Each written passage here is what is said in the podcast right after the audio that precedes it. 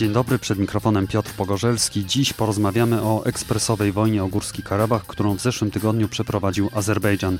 Wcześniej jednak chciałbym podziękować wszystkim, którzy mnie wspierają na zrzutce i Patronite. Zachęcam też do śledzenia moich mediów społecznościowych, Twittera, Facebooka i Instagrama oraz słuchania muzyki ze wschodu w Radiu Wschód na Spotify.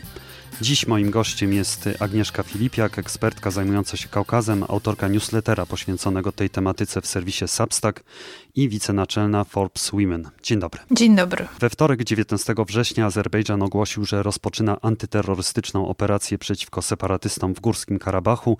Minęła doba, Stepanakert się poddaje, a jego siły zbrojne mają złożyć broń. Negocjacje prowadziła Rosja. Co tak naprawdę się wydarzyło w Karabachu? Bo mieliśmy do czynienia z jakimś takim bardzo szybkim rozwojem sytuacji. Tak naprawdę nie wiemy, co się wydarzyło w Górskim Karabachu i nie mówię tylko w takim kontekście tego, co się wydarzyło, czyli dokładnie gdzie Azerbejdżan zaatakował, jak szybko, jakich użył broni. Wiemy o dronach, wiemy o pociskach, które leciały, ale też nie wiemy w szerszym kontekście. To znaczy mamy konflikt, który od dekad opiera się o spór o Górski Karabach. Mamy proces pokojowy, który od dwóch lat nie dochodzi do skutku, nie mamy podpisanego traktatu pokojowego, między innymi właśnie dlatego, że chodzi o gwarancję bezpieczeństwa Ormian w Górskich Karabachu, chodzi o wycofanie głowy państwa, jak premier Paszynian i prezydent Alijew spotykają się, nie mogą dojść do porozumienia.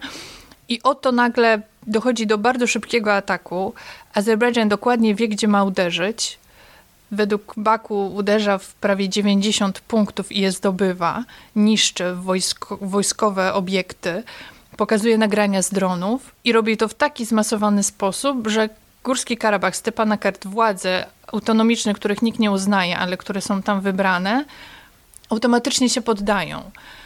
Czyli dochodzą bardzo szybko do wniosku, że nikim nie pomoże, że nie zatrzyma Azerbejdżanu ani Rosja, która ma tam siły pokojowe, które no, faktycznie nie powinny zatrzymywać, ale powinny utrzymywać pokój, gwarantować go w jakiś sposób. Nie pomoże Armenia, dlatego że wielokrotnie premier Paszynian mówił, że Górski Karabach jest częścią Azerbejdżanu. Więc być może podliczono szybko, jakie są możliwości, których nie ma żadnych do obrony i się poddano, ale zmierzam do tego, że Stepanakert nie był w stanie, nie chciał się poddawać przez ostatnie lata, przez dekady i nagle dochodzi do bardzo szybkiej kalkulacji, mówi poddajemy się, rozbrajamy się. I to jest bardzo zaskakujące, jak szybko nagle można było dojść do tego jak zaczynamy już mówić o końcu kwestii karabaskiej. No właśnie, mnie to też zaskoczyło, szczerze mówiąc. Czyli rozumiem, że Baku musiał dojść do wniosku, że jest ta sytuacja, którą można wykorzystać, tak? W takim razie, jakie były czynniki wskazujące na to, że możemy zaatakować i szybko pozamiatać i dlaczego tego Azerbejdżan nie robił wcześniej? Baku przygotowywało sobie grunt na to. Mieliśmy tę wojnę w 2020 roku, czyli największe starcie do tej pory, gdzie odzyskano większość ziem Azerbejdżanu i część Górskiego Karabachu, która pochłonęła e, setki ofiar. I od tego momentu było zawieszenie broni, które było regularnie łamane, ale Azerbejdżan co jakiś czas robił takie małe wypady, zagarniając nowe ziemie, parę wiosek. Bardzo odważnie postępował już od początku rosyjskiej e, agresji w Ukrainie, kiedy świat i społeczność międzynarodowa, która i tak na ten Górski Karabach rzadko patrzy, ale już wtedy w ogóle przestała się tym interesować. Ale co najważniejsze, Rosja przestała mieć jakby taki, taki silne czas, czy nawet wojsko, czy zaangażowanie w, w Kaukaz Południowy, bo się jest pochłonięta tym, co się dzieje w Ukrainie. I co jakiś czas Azerbejdżan atakował i sprawdzał, jak ta społeczność międzynarodowa Rosja zareaguje. Nie zareagował nikt w żaden sposób znaczący, nie było żadnych sankcji. Czasami ktoś się zaniepokoił, ale nie było potępienia. I to, jak przebiegały w ostatnich latach te negocjacje, czyli że Alijew z Paszynianem spotykał się częściej w Brukseli, w Waszyngtonie, a do Moskwy jeździł tylko, żeby się pokazać, już pokazywały, że ta Rosja nie będzie w pewien sposób ingerować. I po wojnie w 2020 roku również Moskwa zaczęła inaczej mówić o Górskim Karabachu, a już w ostatnich miesiącach zdecydowanie Moskwy był jasny przekaz, że Górski Karabach nie jest ormiańską kwestią, tylko jest wewnętrzną sprawą Azerbejdżanu. I był to jasny sygnał, że Rosja nie będzie w żaden sposób hamowała Alijewa. Kulminacją tych przygotowań było to, że w połowie grudnia Azerbejdżan zablokował jedyną drogę łączącą Armenię z Górskim Karabachem. Ostatecznie postawił tam punkt swój celny i korytarz, który był formalnie według zawieszenia broni kontrolowany przez Rosjan, przeszedł w ręce Azerów, Azerbejdżan. I Rosja też nie była nic z tym w stanie zrobić, więc były wszelkie sygnały, nawet widoczne dla nas, że Rosja kompletnie nie będzie oponować przeciwko temu, co, co planował Alijew. I on, mając już przygotowanie militarne, a to, co się dzieje teraz w ostatnim czasie, to możemy zatem porozmawiać, jak bardzo szybko y, pewne działania takie infrastrukturalne zostają podjęte, pokazuje, że Alijew, Azerbejdżan był bardzo dobrze do tego przygotowany. Oni mają dokładnie plan. Uderzenie, przejęcie i to, co były teraz nagrania na przykład w zeszłym, e, zeszłej nocy, jak się pojawiło, że Górski Karabach, czy Karabach, jak mówią już Azerbejdżan nazywa ten region, został odcięty od sieci energetycznych Armenii i automatycznie przy, przyłączony od Azerbejdżanu. Wielkie słupy zostały postawione. To, to nie jest przypadek. Oni byli dokładnie, mają krok po kroku, są przygotowani, co zrobić żeby w pełni zintegrować w sensie terytorialnym ten obszar, bo też Baku nigdy jakby już nie pozostawiał złudzeń. Jeszcze przed 2020 roku mówiło, że to będzie autonomia. Po 2020 roku, kiedy wygrali, już nie ma żadnych szans, żadnej autonomii nie będzie, będzie region gospodarczy. To porozmawiajmy w takim razie, jakie były jeszcze te działania infrastrukturalne, które właśnie służyły temu, żeby ten region szybko zaatakować i szybko zintegrować. Nawet nie tylko te infrastrukturalne, bo z jednej strony mamy ten właśnie dopływ energii, zresztą jest, pełni kontrolują prąd i nie ma prądu w regionie, jest tylko przez parę godzin. E, kwestia dostępu do wody, ale cała ta blokada korytarza od połowy grudnia, to jakby w dalszej perspektywie Myślę, że było bardzo zaplanowane, myślę, to moja opinia, oczywiście mogę się mylić, właśnie do uderzenia. Jeśli przez ponad pół roku ludność jest odcięta od żywności świeżej, od lekarstw, e, jest wycieńczona brakiem, nie wiem, takich środków podstawowych, jak choćby pampersy dla dzieci, nie może jeździć na uczelnie do rywania, nie może jeździć do rodzin, nie może się leczyć w, Armenii, jest na wycieńczeniu, no to wystarczy ją tylko zaatakować i wtedy ona już też wie, że to jakby z każdej strony jest atak i trzeba się poddać i uciekać. Co z tą Rosją? Dlatego, że przecież no jest chyba od lat od i od wieków przyjaźń ormiańsko-rosyjska. W tym momencie widzimy, że właściwie tego chyba nie ma. Nie jestem pewna, czy to była przyjaźń. To, to była bardzo, to, to jest ciągle bardzo toksyczna relacja, bo przed Paszynianem, przed tym premierem obecnym, rząd bardzo często no, sprzedawał aktywa i Armenia jest bardzo silnie uzależniona gospodarczo, jeśli chodzi o, o Rosję. To jest gaz, to jest paliwo do elektrowni atomowej, która gwarantuje, czy daje 40% w ogóle energii elektrycznej w kraju. To są, nie wiem, koleje ormiańskie, które należą do Rosjan. To jest fakt, że Rosja zostaje, jest jednym z takich głównych partnerów gospodarczych, no bo Armenia jest przecież ma Turcję, z którą ma zamkniętą granicę, Azerbejdżan, z którą ma zamknięte granice, więc tylko ten handel może tutaj iść Gruzja dalej do Rosji. I jak wiemy, Rosja lubi takie zależności gospodarcze, bo ma zawsze narzędzie w postaci embarga, więc nie nazwałabym tego zawsze przyjaźnią. Owszem, jest to pakt też, e, jeśli chodzi militarny, układ o bezpieczeństwie zbiorowym, ale ostatnie lata też pokazywały, że jakby tu też nawet nie ma co liczyć na deklarację potępienia działań Azerbejdżanu. Więc to jest taka mówię, taka bardziej toksyczna zależność, która była piękna i można było mówić o przyjaźni, kiedy to były czasy pokoju, pokoju w, w, kontekście ormiańskim, nie azerbejdżańskim, kiedy nikt nie potrzebował żadnej pomocy i można było po prostu składać sobie kuriozalne wizyty, ściski dłoni, robić z familii foto, ale nie, nie było oczekiwań żadnych.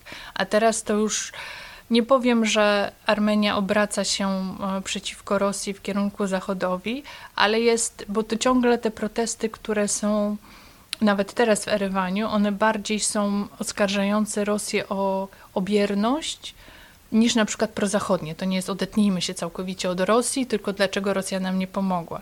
I tak samo jak w ostatnich tygodniach Paszynian, czyli premier Armenii, wielokrotnie krytykował Rosję właśnie za bierność, mówił, że byliśmy prawie w 100% zależni od Rosji, a ona jest tak pochłonięta Ukrainą, że się nie interesuje z nami.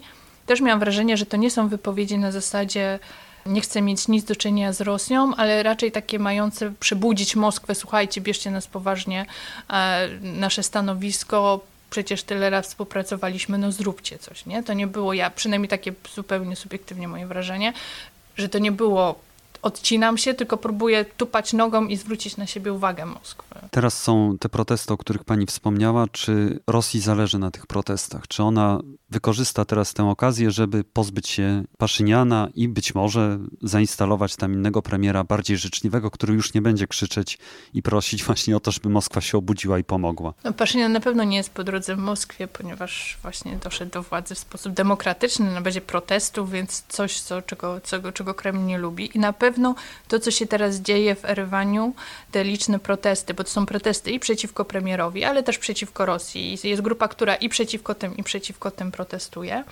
Pokazują, e, znaczy Rosja jak patrzę na media rosyjskie, mam wrażenie, że się wręcz tym rozkoszuje. Po prostu Armenia jest zawsze na pierwszym miejscu, są relacje stamtąd. Od razu byli reporterzy, którzy relacjonują na bieżąco, jak ludzie są niezadowoleni. To są czołowi politycy i dziennikarze, którzy kpią, czyli Miedwiediew, który kpi z Armenii, że flirtowała z NATO. To, to aluzja do manewrów wojskowych amerykańsko-ormiańskich, które były. Szefowa RT, która po prostu wyzywa Paszyniana o zdrajców i właściwie no, kpi generalnie z narodu ormiańskiego, a jeszcze bardziej, jeśli właśnie Paszynian uznaje się za Ormianina, a przecież przez niego Armenia utraciła Karabach. W ogóle Kreml wydał taką instrukcję dla mediów, w której było jasno powiedziane, że jak będzie relacjonowało to, co się dzieje w Górskim Karabachu, to pierwszy przekaz jest taki, że to wina Armenii i premiera Paszyniana, więc jest bardzo duże zainteresowanie Rosji tym, co się dzieje w Armenii niesamowite, jak taki malutki kraj, bo przecież to jest po prostu cały Kaukaz to przecież pół Polski, a ta Armenia to jest jakieś tam województwo nasze. Jest tak, taką, taką solą w oku Rosji, że oni rzeczywiście ciągle pompują to niezadowoleni. Czy są w stanie posadzić kogoś nowego na fotelu premiera? Szczerze mówiąc nie wiem. Znaczy myślę, że się pan też zgodzi z tym, że niedocenianie Rosji byłoby wielkim błędem, ale Paszynian mając 13% poparcia jako polityk, zaufania społecznego jest najbardziej popularnym politykiem. W ostatnich badaniach, które były przeprowadzone na początku tego roku, ponad 65% społeczeństwa stwierdziła, że nie ufa żadnemu politykowi. On nie ma tam konkurenta. Może się pojawić taki, zawsze można wykreować w ciągu paru tygodni jakiegoś nowego Trybuna Ludu, ale na chwilę obecną nie ma takiej postaci, nawet na opozycji, która reprezentuje te stare rządy przede wszystkim, która by mogła wybrzmieć i, i, i, go tutaj zastąpić w jednej chwili. Ale tak jak mówię, Rosja jest nieprzewidywalna, czy jest w stanie tam postawić. Na pewno to podsyca. Jeżeli chodzi o Paszyniana i o te protesty, czy są głosy, że rzeczywiście dobrze robimy, że żeśmy dobrze zrobiliśmy, że nie zaangażowaliśmy się w ten konflikt? I właściwie teraz pozbywamy się wreszcie tego ciężaru, który no, jednak troszkę przeszkadzał tak, w rozwoju stosunków gospodarczych y, z Turcją, z Azerbejdżanem i w ogóle no, przeszkadzał gospodarczo Armenii. No, takie głosy są, tylko nie są aż tak słyszalne, no bo one też nie są popularne politycznie. Młodsze pokolenie jak na pewno. No i tutaj to jest taka drażliwa kwestia, no bo ten Karabach, czyli Arcach dla Ormian, no, historycznie jest bardzo ważny. Tam był katolik tylko przez cztery wieki, tam jest taki monaster na, na górze i to on historycznie gdzieś tam e, na pewno głęboko w tej świadomości jest i była budowana też tożsamość narodowa na tym, ale co też zwracam uwagę, jak czytam te wszystkie odezwy, czy jak się o tych e, ludzi słucha, którzy wyszli na ulicę, to oni owszem są oburzeni utratą Karabachu, ale przynajmniej ja nie zauważyłam tam czegoś takiego, słuchajcie, dajcie mi broń, pójdę walczyć. No bo ludzie nie chcą ginąć, nie? To to jest jakby ja ich nie oceniam, też bym nie chciała ginąć, ale to jest takie, że są oburzeni tym Karabachem, ale nie ma kolejek do mobilizacji, teraz idźmy walczyć, idźmy ginąć. Nie ma szturmu na jednostki wojskowe, dlaczego one nie walczą. Więc to jest taki bardzo pokojowe, pacyfistyczne, że chcemy zmiany rządu, bo utracił Karabach, ale to nie idzie równocześnie za tym, żeby go siłą e, odbijać. Jaka teraz jest sytuacja? Bo mamy rozmowy pokojowe Stepana Kertu z Baku. Do czego one mają doprowadzić? To jest w ogóle niesamowite, bo to, o tych rozmów, że jak się tworzył właśnie te negocjacje Armenia-Azerbejdżan, to jednym z tych punktów było bezpieczeństwo Ormian w Karabachu i że właśnie ci Ormianie z Karabachu będą się spotykać e, z Baku. I oni tych spotkań mieli zaplanowanych już trochę. Były nawet takie informacje, że to miało się dziać poza regionem, gdzieś na Bałkanach i że było wszystko umówione, Stany Zjednoczone tam kibicowały, ale pojawił się jakiś telefon z Moskwy i nagle tych rozmów nie było. I nagle właśnie się okazuje, że mamy tą antyterrorystyczną, jak mówi Azerbejdżan, operację i nie ma problemu, można się spotkać. No i tam były właśnie te trzy punkty, y, odnośnie mm, poddania się i no ciągle kwestią jest to bezpieczeństwo Ormian i tu się jeszcze nie potrafią porozumieć, więc nie ma ostatecznego porozumienia tam jeszcze. Rosjanie oczywiście tak, to wszystko dzięki nam i tak i mówi Armenia, Azerbejdżan podkreślając, e, podkreślając ich rolę. Azerbejdżan na przykład gwarantuje, twierdzi amnestię w ogóle dla, dla mężczyzn, którzy walczyli poza zbrodniarzami wojennymi i to ciągle nie wiemy, kto to jest i jaka jest definicja Azerbejdżanu. No ale też nie ma się co dziwić, że nikt Azerbejdżanowi nie wierzy. To znaczy obie strony sobie wzajemnie nie ufają i tu nie ma się co dziwić, mamy konflikt od dekad, mamy grzechy przeszłości, czyli lata 90. tę pierwszą wojną i i masowe groby, które się, są odnajdywane teraz z obu stron, więc nic dziwnego, że oni po prostu wiedzą, co sobie wyrobili wzajemnie w przeszłości, teraz też sobie nie ufają. A czy możliwa jest rzeź na przykład Ormian, tych, którzy zostali tam? Wszystko jest możliwe. To znaczy, ja usilnie chcę wierzyć, że jest takie zainteresowanie opinii międzynarodowej, chociaż nie ma tam obserwatorów, bo Azerbejdżan nie wpuszcza że nie dojdzie do czegoś takiego, ale no, żyjemy w takich czasach, że ten telegram chociażby kipi propagandowymi takimi treściami pełnymi nienawiści. Azerski. Tak, azerski. No, że nigdy nie wiemy, co jest w głowie danego żołnierza. To znaczy, nie spodziewałabym się tutaj trudno, że będzie masowa skala raczej, że ci ludzie uciekną. No ale możemy sobie wyobrazić, że jeśli jakiś oddział azerbejdżańskiej służby trafi na jakiś oddział mężczyzn, czy my teraz mamy do czynienia z falą uchodźców? Czy możemy to tak określić? Z Karabachu do Armenii? To jest póki co bardzo wąski strumień, ponieważ większość osób chce uciec, chce wyjechać, ale na przykład nie ma jeszcze benzyny, więc to trwa. Ale tak, no wszyscy Ormianie, myślę, że większość, naprawdę nie wiem, kto by był w stanie zostać w Górskim Karabachu, wszyscy Ormianie, czyli w definicji to było 120 tysięcy, ale już trochę wcześniej wyjechało, ale jakieś 100 tysięcy myślę, będzie chciało uciec najpierw do Armenii, a potem możliwe do innych krajów, bo Azerbejdżan mówi wprost, że jeśli chcecie zostać, to musicie przyjąć nasze obywatelstwo. I owszem, będziecie mieli pewne prawa, ale Azerbejdżan nie jest przygotowany i nie planuje książek do historii, które mówią w ten, a nie inny sposób o tym regionie. To będzie jedna narracja Azerbejdżanu nie do przyjęcia dla Ormian. No i co jest tutaj istotne, Azerbejdżan nie zakłada podwójnego obywatelstwa, czyli jak przyjmujesz obywatelstwo, paszport Azerbejdżanu, musisz się wyrzec paszportu ormiańskiego, a myślę przy całej takiej historii ormiańskiej z tym miejscem i z państwowością, no to jest nie do przyjęcia dla Ormianina, żeby przyjąć paszport Azerbejdżanu i zrezygnować z własnego paszportu. No to jakby, no to, to zdrada dla każdej jednostki. Jest jeszcze sprawa połączenia między Azerbejdżanem i eksklawą Nachiczewańską Republiką Autonomiczną. To jest połączenie przez Armenię.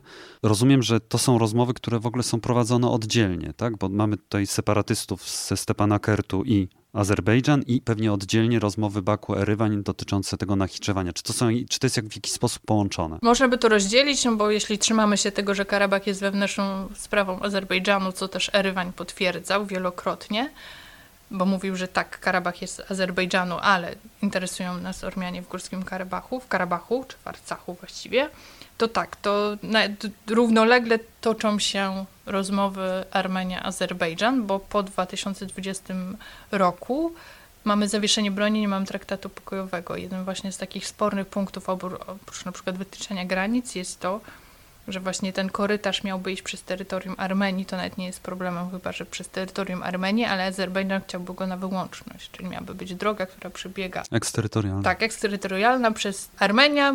Słyszy, że jej odwieczny wróg, czyli państwo, któremu nie ufa, chce mieć drogę eksterytorialną przez jej terytorium, na które nie będzie w ogóle miało żadnego wpływu żadnej kontroli, co może oznaczać nie tylko tiry pełne towarów na handel, ale między innymi przykład wojsko czy, czy, czy, czy broń. Więc tutaj nie ma co się dziwić, że to też jest osią sporu i nie do końca jest e, przez Armenię akceptowalne, plus na tę drogę też nie zgadza się, bo to też zakłóca interesy tego państwa Iran. 5 października mają być rozmowy w Hiszpanii, mają się spotkać premier Armenii i prezydent Azerbejdżanu. Tam ma być też e, prezydent Francji Emmanuel Macron, kanclerz Niemiec Olaf Scholz, przewodniczący Rady Europejskiej Charles Michel. Czemu mają służyć te rozmowy? One mają dotyczyć Karabachu, mają dotyczyć Nachiczewania? Traktatu pokojowego Armenia-Azerbejdżan. Górski Karabach w ogóle się nie pojawiał w tych rozmowach wcześniej. Nie pojawiał się jako osobny partner i nie pojawiał się też jako kwestia. Więc oni będą prowadzić rozmowy, które były wcześniej mm, prowadzone. No i pytanie, jaki będzie przebieg. Bo jeśli będą rozmawiać tak jak do tej pory, bo to nie jest format, który jest nowy, Wcześniej uczestniczył sam Macron, ale Macron, Francja stoi murem za Armenią i Azerbejdżan wielokrotnie podkreślał tu nie bez racji, no, że nie może takie państwo być jako negocjator, bo nie oszukujmy się, nie jest obiektywne. Więc te Niemcy tutaj zostały dokoptowane, żeby to było pełniej. I przewodniczący Rady Europejskiej. Więc jeśli po tych uwagach że są zaniepokojeni, ale załóżmy, że to już będzie taki moment, że widzimy, że ci Ormianie z tego Karabachu bezpiecznie wyjeżdżają, a Azerbejdżan po prostu wprowadza swoje rządy. Jeśli oni dalej będą rozmawiać tak jak gdyby nigdy nic, że trzeba tu ustalić granice między państwami, czy porozmawiać o korytarzu, no to już będziemy mówić, że to jest naprawdę rozwiązana kwestia karabaska, nie? Bo to znaczy, że przeszliśmy, owszem, Moskwa tam wynegocjowała coś takie, właściwie nam nie wyszło w sensie takim dyplomatycznym nie jest to nasz sukces, ani Macrona, ani Unii Europejskiej, ani Stanów Zjednoczonych, bo Moskwa jakby zrobiła to w ramach swoich tam działań. No a my tu możemy dalej rozmawiać. Nie? No jeśli tak dojdzie, myślę, że jest duża szansa na to. Fakt, że się spotykają, że nikt nie mówi Alijewowi, teraz są sankcje nałożone na Azerbejdżan, nie rozmawiamy z tobą dopóki coś, tylko chcą się spotkać w takim formacie, jak było do tej pory, a Alijew nie przeprowadzi żadnych takich drastycznych, że nie będziemy mówić o żadnych zbrodniach, jakby sprawy nie było. Nie? Karabach już będzie z tego, bo to, co też jest istotne w tej kwestii, myślę, jest taka nić porozumienia, myślę, między Azerbejdżanem a Rosją. To znaczy, Azerbejdżan cieszy się, że Rosjanie przestaną mieć mandat już sił pokojowych i do 2025 roku zostaną z regionu, przynajmniej z terytorium Azerbejdżanu, wyproszeni no to jest inna nić porozumienia. Azerbejdżan z, z Rosją są co do jednego zgodni, że Kaukaz Południowy powinien być wolny od zachodnich wpływów takich politycznych. No tak, ale to pokaże, jeżeli to będzie sukces tych rozmów, że jednak Zachód ma jakiś wpływ tak, polityczny na, na Kaukaz. To jest niesamowite, bo wyjdzie, że wszyscy będą zadowoleni. Będzie Rosja zadowolona, która będzie mogła mówić, że ona doprowadziła do zakończenia kwestii karabaskiej w sposób pokojowy. I będzie Zachód, który będzie mógł mówić, że on ciągle trzyma rękę na pulsie, jest najistotniejszym graczem, jeśli chodzi o Armenię i Azerbejdżan. Bo mimo wszystko musimy pamiętać, że to jest polityka i owszem, e, Macron bardzo często się wypowiada na temat Armenii, ale robi to ze względów e, silnej diaspory politycznej, dlatego że mu się to politycznie opłaca. W sensie może go rzeczywiście, nie chcę tutaj zabrzmieć, jakbym wiedziała, co ma w głowie, może go rzeczywiście martwić los tych ludzi, ale myślę, że to jest większa jego kalkulacja polityczna, tej europejskiej wspólnoty politycznej, którą on tworzy i, i chce mieć jako Francuz i jako on też polityk wpływ. Więc on tutaj odgrywa na pewno istotną rolę i może tego, ale no, umówmy się, to jest wszystko polityka, jego własny interes. Więc będziemy mieli Rosję, reasumując, która jest zadowolona, bo utrzymała strefę wpływów e, wśród konfliktów na Kaukazie Południowym i Zachód, który będzie mówił, że to on. Tylko ludzie, nie? Tylko tysiące ludzi, którzy stracą dach nad głową i szkoda mówić. Agnieszka Filipiak, ekspertka zajmująca się Kaukazem, autorka newslettera poświęconego tej tematyce w serwisie Substack i wicenaczelna Forbes Women. Bardzo dziękuję. Dziękuję bardzo. Ja przypominam, że podcast Po prostu Wschód można wesprzeć na zrzutce i Patronite. Zachęcam też do zajrzenia na profile na Facebooku i Instagramie oraz na mój prywatny na Twitterze, a także na Spotify, gdzie można posłuchać muzyki w Radiu Wschód. Do usłyszenia, żegna się Piotr Pogorzelski.